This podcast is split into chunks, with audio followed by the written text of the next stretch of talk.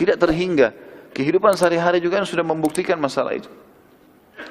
Mungkin kalau ada permintaan kita minta agar dibukakan rezeki yang luas, misal atau dibukakan diberikan satu pekerjaan atau dilunasi utangnya. Mungkin itu salah satunya yang belum Allah kasih, bukan tidak dikasih loh ya. Belum Allah kasih. Tapi mayoritas kebutuhan kita sudah dipenuhi. Coba pekah memikirkan masalah itu. Kita kalau haus teman-teman sekalian, kemudian haus sekali. Lalu ada orang berikan kita air dingin. Lalu kita pasti setelah kita minum haus kita hilang. Terima kasih ya kita terima kasih sama orang tersebut. Padahal orang itu buat apa sebenarnya? Dia cuma ambil air dia kasih. Kita nggak berpikir lebih jauh. Orang ini yang sedang mengantarkan memberikan saya siapa orang ini? Siapa yang buat kulitnya? Siapa yang buat tulangnya? Siapa yang buat matanya? Siapa yang ciptakan orang ini? Siapa yang ciptakan air itu? Siapa yang membuat sistem ini ada? Saya punya rasa lapar, dia punya rasa kesian, saya punya rasa haus, dia punya kemudian saya minum. Dan siapa yang menghilangkan dahaga? Siapa yang membuat cairan itu bisa masuk dan hanya menghilangkan dahaga? Dan kalau kita rentet semuanya dari mana? Yang tidak mungkin sistem ini terjadi begitu saja tanpa ada penciptanya. Sementara Allah Azza wa Jalla dengan kemahamurahannya hanya menyuruh kita menikmati dan berterima kasih. Itu saja. Lapar silakan pilih yang kamu suka. Tapi halal ya, makan. Kunyah, nikmati, telan. Habis itu selesai. Enggak ada urusan kamu. Masuk dalam tenggorokan kita semua diproses alami. Selesai. Gitu kan? Yang mana jadi kotoran yang mana jadi yang mana jadi nikmat ya. Yang mana jadi energi maksud saya. Ini semua sudah diatur dengan sistem. Yang tidak dibutuhkan tubuh dibuang. Kita tiba-tiba punya rasa mules. Kotoran yang luar biasa berbahaya berbakteri diciptakan sistemnya oleh sang pencipta Allah. Bagaimana dia membuangnya dia merasa mules dia tidak bisa tahan kemudian dia harus buang misal terus begitu roda kehidupan berjalan dan ini semua sistem dengan begitu rapi teratur. Kemudian dikatakan fasayudkhiluhum fi rahmatin minhu wa fadl. Yang artinya niscaya Allah akan memasukkan mereka ke dalam rahmat yang besar, rahmat di dunia diberikan karunia yang luar biasa dan di akhirat masuk surga dan limpahan karunia yang banyak, yakni Allah akan melimpahkan kepada mereka dengan rahmat yang khusus, lalu mereka lalu memberi mereka taufik untuk melakukan kebajikan-kebajikan dan memberikan pahala kepada mereka. Allah memudahkan dia hidup, Allah yang mudah pandu dia mana baik mana buruk, Allah juga yang memudahkan dia punya energi, punya kesempatan, punya waktu untuk mengerjakan kebaikan dan mengejar apa yang telah Allah janjikan buat mereka sudah itu dikasih pahala yang sangat besar. Gitu kan. Serta menghindarkan mereka dari bencana dan perkara-perkara yang tidak menyenangkan. Berapa banyak masalah yang kita hadapi dalam keharian seharian teman-teman sekalian yang kita berhasil lolos darinya. Kalau kita mau bicara masalah manusia ini, melindungi diri mereka repot sekali loh. Teman-teman yang suka pakai motor misalnya, kita jalan. Kalau helmnya tidak, mungkin kadang-kadang kita angkat kacanya atau tutupan plastiknya, misalnya tutupan matanya kita angkat, maka terbuka udara dengan sangat kencangnya kena ke wajah kita. Kira-kira teman-teman ada jaminan kita nggak kena bakteri, kita nggak kena batu, nggak kena pasir atau tapi selama ini tidak ada masalah. Orang jalan, dari mana kita bisa dapat jaminan teman-teman? Ini kalau ada uh, racun misalnya di udara, terkontaminasi dengan udara, lalu dihirup oleh manusia. Yang tiba-tiba dia bisa meninggal. Padahal kita ini hidup, jalan ke sana, jalan ke sini. Semuanya terjaga sebenarnya dengan rapi. Ya. Bagaimana manusia tidak memikirkan masalah itu? Allah subhanahu wa ta'ala melindungi mereka, menciptakan mereka, menyiapkan fasilitas buat mereka. Dan mayoritas yang mereka minta diberikan. Ada yang Allah belum kasih. Karena Allah menginginkan dia lebih banyak memohon, lebih banyak merengek. Gitu kan. Cobaan pun kalau datang kepada mereka lebih ba lebih banyak nikmat daripada cobaan. Terbukti dari sepanjang hidup kita, teman-teman yang hadir di sini. Mana lebih banyak? Kita sehat atau sakit? Lebih banyak kita sehat. Sakit itu jarang sekali. Ada orang sakit ya di akhir hidupnya mungkin ataupun kalau sakit dalam setahun tahun depan dia sakit flu, demam, seminggu. Tapi 365 hari yang lalu dia sehat. Satu tahun Allah SWT berikan nikmat. Kemudian lanjutan ayat wa yahdihim ilaihi siratan mustaqima dan dia menunjuki kepada mereka jalan lurus untuk sampai kepadanya yakni memberi mereka taufik. Taufik maksudnya kemudahan untuk berilmu dan beramal, mengetahui yang hak dan mengamalkannya. Asal dia mau saja pelajari Allah akan kasih dia. Saksi bahasan kita dalam surah An-Nisa 175 ada kalimat rahmat. Fasayudkhiluhum fi rahmatin minhu pasti Allah akan masukkan dan karunia kepada mereka rahmatnya. Yang lain adalah surah Al-Jathiyah ayat 30. A'udzu billahi minasyaitonir rajim. Fa ammal ladzina amanu wa 'amilus solihati fayudkhiluhum rabbu fayudkhiluhum rabbuhum fi rahmati dzalika huwal fawzul mubin. Adapun orang-orang yang beriman dan mengerjakan amal saleh, yakin Allah ada lalu dia patuh dengan perintah, Amal soleh masuk dalamnya mengerjakan perintah atau meninggalkan larangan. Karena orang juga meninggalkan larangan termasuk amal soleh. Maka Rob mereka, pencipta mereka akan memasukkan mereka ke dalam rahmatnya. Rahmat di sini, di dunia diberikan rahmat yang luas, diberikan karunia-karunia yang membahagiakan dia dan juga di akhirat masuk surga. Itulah keberuntungan yang nyata. Teman-teman sekalian kita tinggal patuh, kerjakan perintah, tinggalkan larangan. Kita nikmati saja. Tetap bisa makan, tetap bisa minum, tetap bisa segala macam, tapi lebih rapi. Sekarang ini orang-orang di beberapa negara termasuk saya dapat informasi di Jepang dan saya waktu Ramadan yang lalu sempat diundang oleh KBRI kita ke sana. Itu ternyata orang-orang di sana juga banyak ya eh, orang asli Jepang yang non muslim, mereka kalau masuk dan mereka menemukan makanan kaleng ada label halalnya mereka beli. Ada beberapa teman-teman kita sempat nanya, dan menceritakan ke saya, kenapa anda beli ini? Dia bilang ini lebih terjamin. Dengan ada label halal. Mereka tahu kalau umat Islam itu hati-hati, pekah, nggak mau makan sembarangan. Maka mereka sendiri mengatakan itu lebih terjaga. Artinya orang beriman lebih terjaga, lebih sehat, lebih baik, dikontrol, dijaga oleh langsung pencipta langit dan bumi. Seperti juga makna kalimat teman-teman sekalian, yang selalu mengembalikan kita iman kepada Allah, sabda Nabi SAW, kalau Allah karuniakan kalian pemimpin yang zalim dan dia memberikan kepada kalian hak kalian, maka terima kasihlah pada Allah, bersyukurlah kepada Allah. Dan hak kalian yang belum kalian dapatkan darinya, mintalah langsung kepada Allah. Kalimat mintalah langsung kepada Allah ini pengembalian seorang muslim dan menyadari kalau raja yang sedang memimpin dia, presiden atau siapa saja, ini manusia seperti dia, kebetulan saja berkuasa. Tetapi kalau ada kebutuhan dia yang belum dikasih, maka dia minta langsung kepada raja yang sebenarnya Allah. Makna kalimat ini adalah kalimat yang berbobot sekali. Artinya bertauhidlah kepada Allah. Saksi bahasan kita adalah Allah kalau dia beriman dan beramal saleh akan memasukkan ke dalam rahmatnya. Juga firman Allah subhanahu wa ta'ala dalam surah Al-Hadid ayat 28. Mengimani Allah ini ya. Maksudnya Allah itu ada. A'udzu billahi minasyaitonir rajim. Ya ayyuhalladzina amanu taqullaha wa aminu bi rasulih yu'tikum kiflayn min rahmatihi wa yaj'al lakum nuran tamshuna bihi wa yaghfir lakum wallahu ghafurur rahim. Hai orang-orang beriman, berimanlah kalian kepada rasul yang telah diutus, bertakwalah kepada Allah, maksudnya patuh dan berimanlah kepada rasulnya niscaya Allah memberikan rahmatnya kepadamu dua bagian atau dua, dua kali lipat dan menjadikan untuk kalian cahaya, maksudnya panduan agama, dengan cahaya yang kamu dapat berjalan eh, dengannya di atas bumi ini.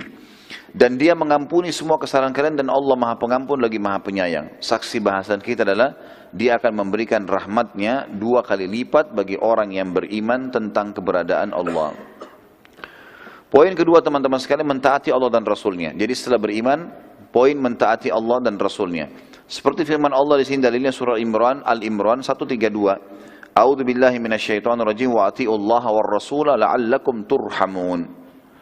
Dan selalulah taat dengan Allah dan Rasulnya. Apa yang dikatakan Allah Rasulnya, ikuti. Yang dilarang, tinggalkan. Supaya kalian mendapatkan rahmat. Artinya pasti akan datang kepada kalian karunia.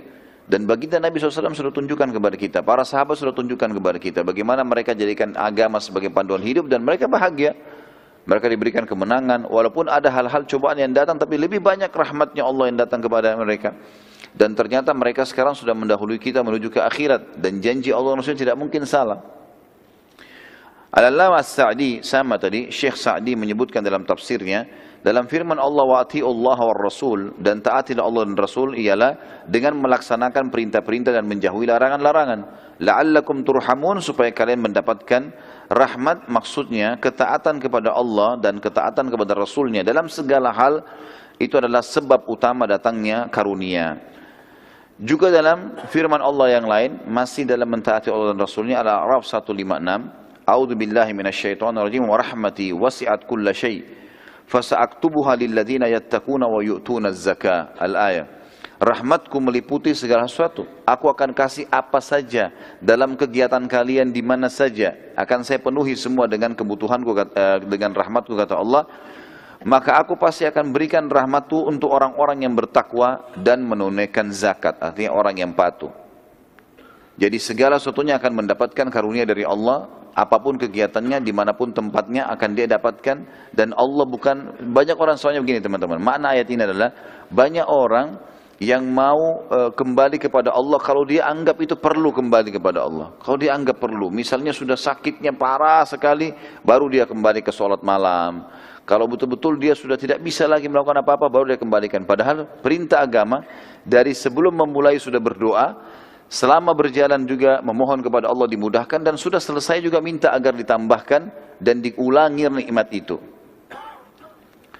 Dalam An-Nur ayat 56 juga dikatakan Allah SWT berfirman A'udzu billahi minasyaitonir rajim wa aqimus salata wa atuz zakata wa atiullaha la'allakum turhamun. Ada kalimat turhamun. Dirikanlah salat, tunaikanlah zakat dan taatilah Rasul supaya kalian akan supaya kalian diberikan rahmat. Dari Urwa bin Zubair radhiyallahu anhu, dari Aisyah radhiyallahu anha bahwasanya ia mengatakan makna firman Allah semoga Allah merahmati maaf. Eh, Aisyah mengatakan radhiyallahu anha bahwa ia mengatakan, semoga Allah merahmati kaum wanita muhajirat pertama. Semoga Allah merahmati muhajirat, maksudnya wanita-wanita yang hijrah dari Mekah di yang pertama, ya, golongan pertama yang hijrah ke Madinah. Tak kala Allah menurunkan firman-Nya dalam surah An-Nur 31, A'udzu billahi minasyaitonir rajim wal yadribna bi khumurihinna ala juyubihin.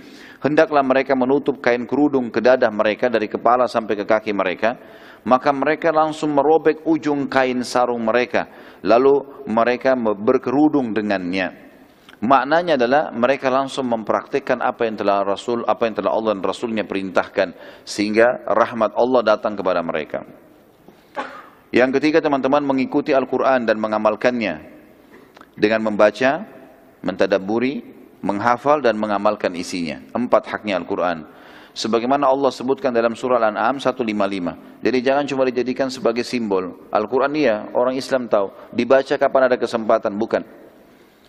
Saya ingin uh, memberikan sebuah wacana saja teman-teman sekalian. Kalau seandainya kita mendapatkan SMS atau WA atau sekarang apalah BBM misalnya kita terima dari orang yang kita cintai.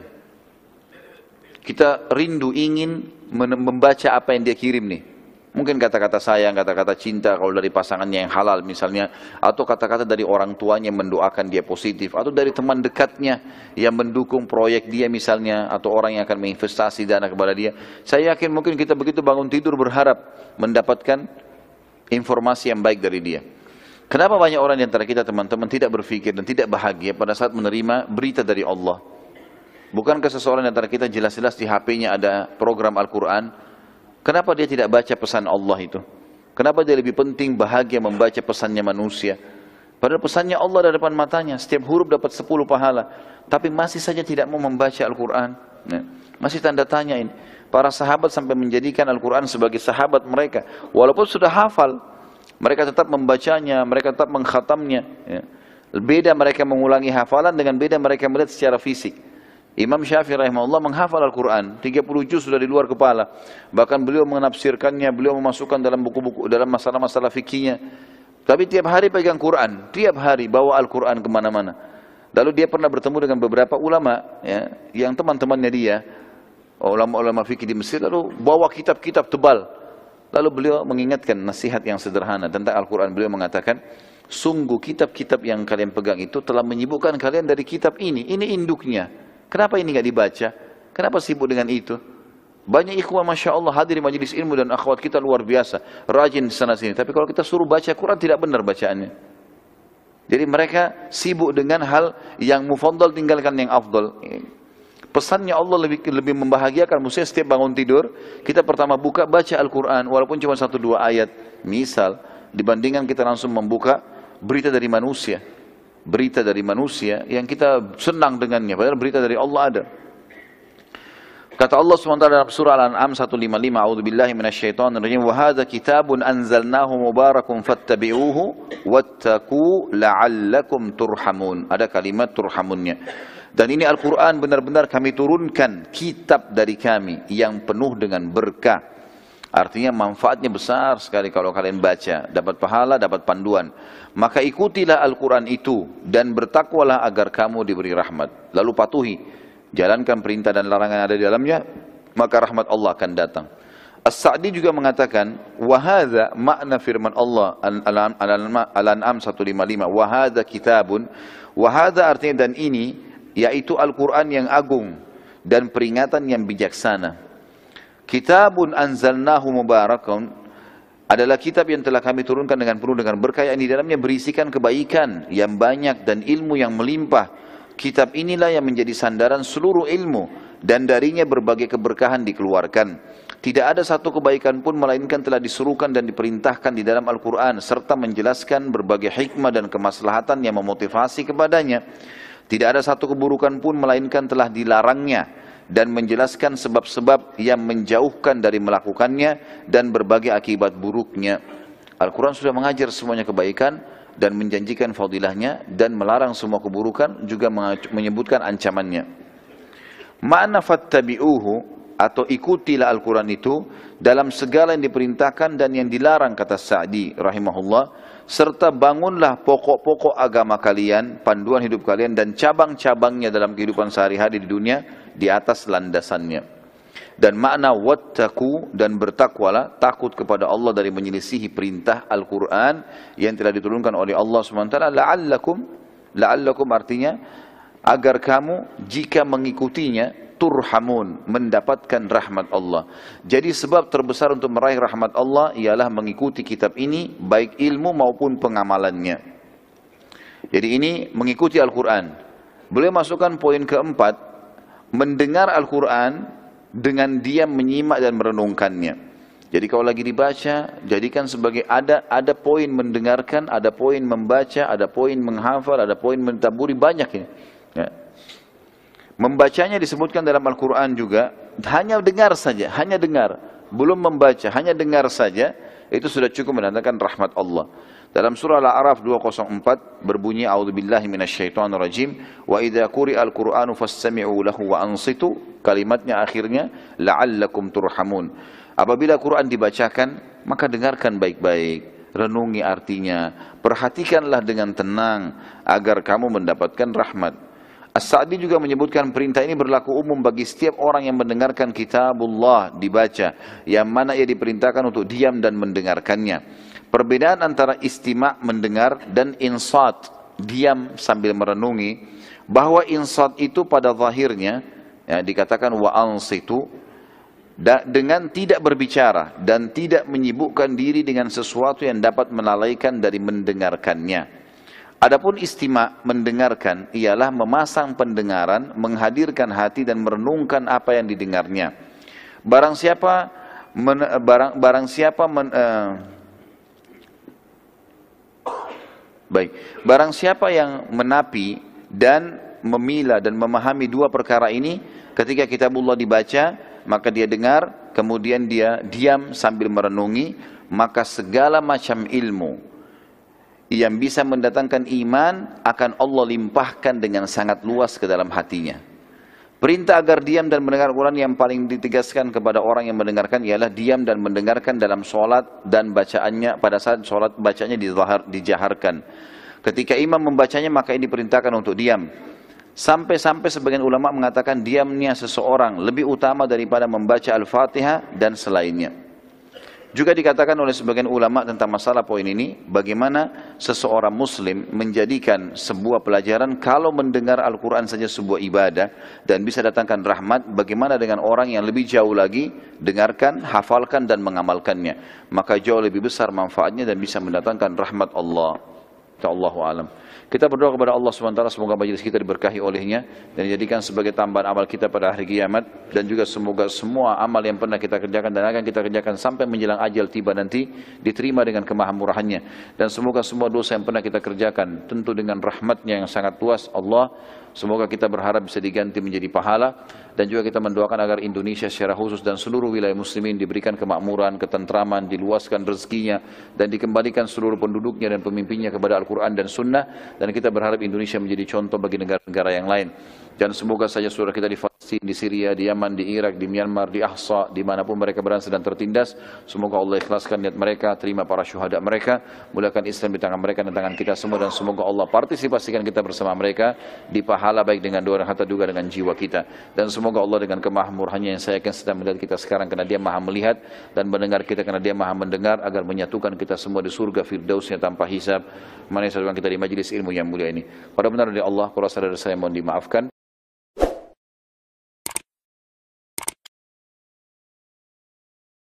Assalamualaikum Untuk pemesanan paket umroh murah Bisa menghubungi 0821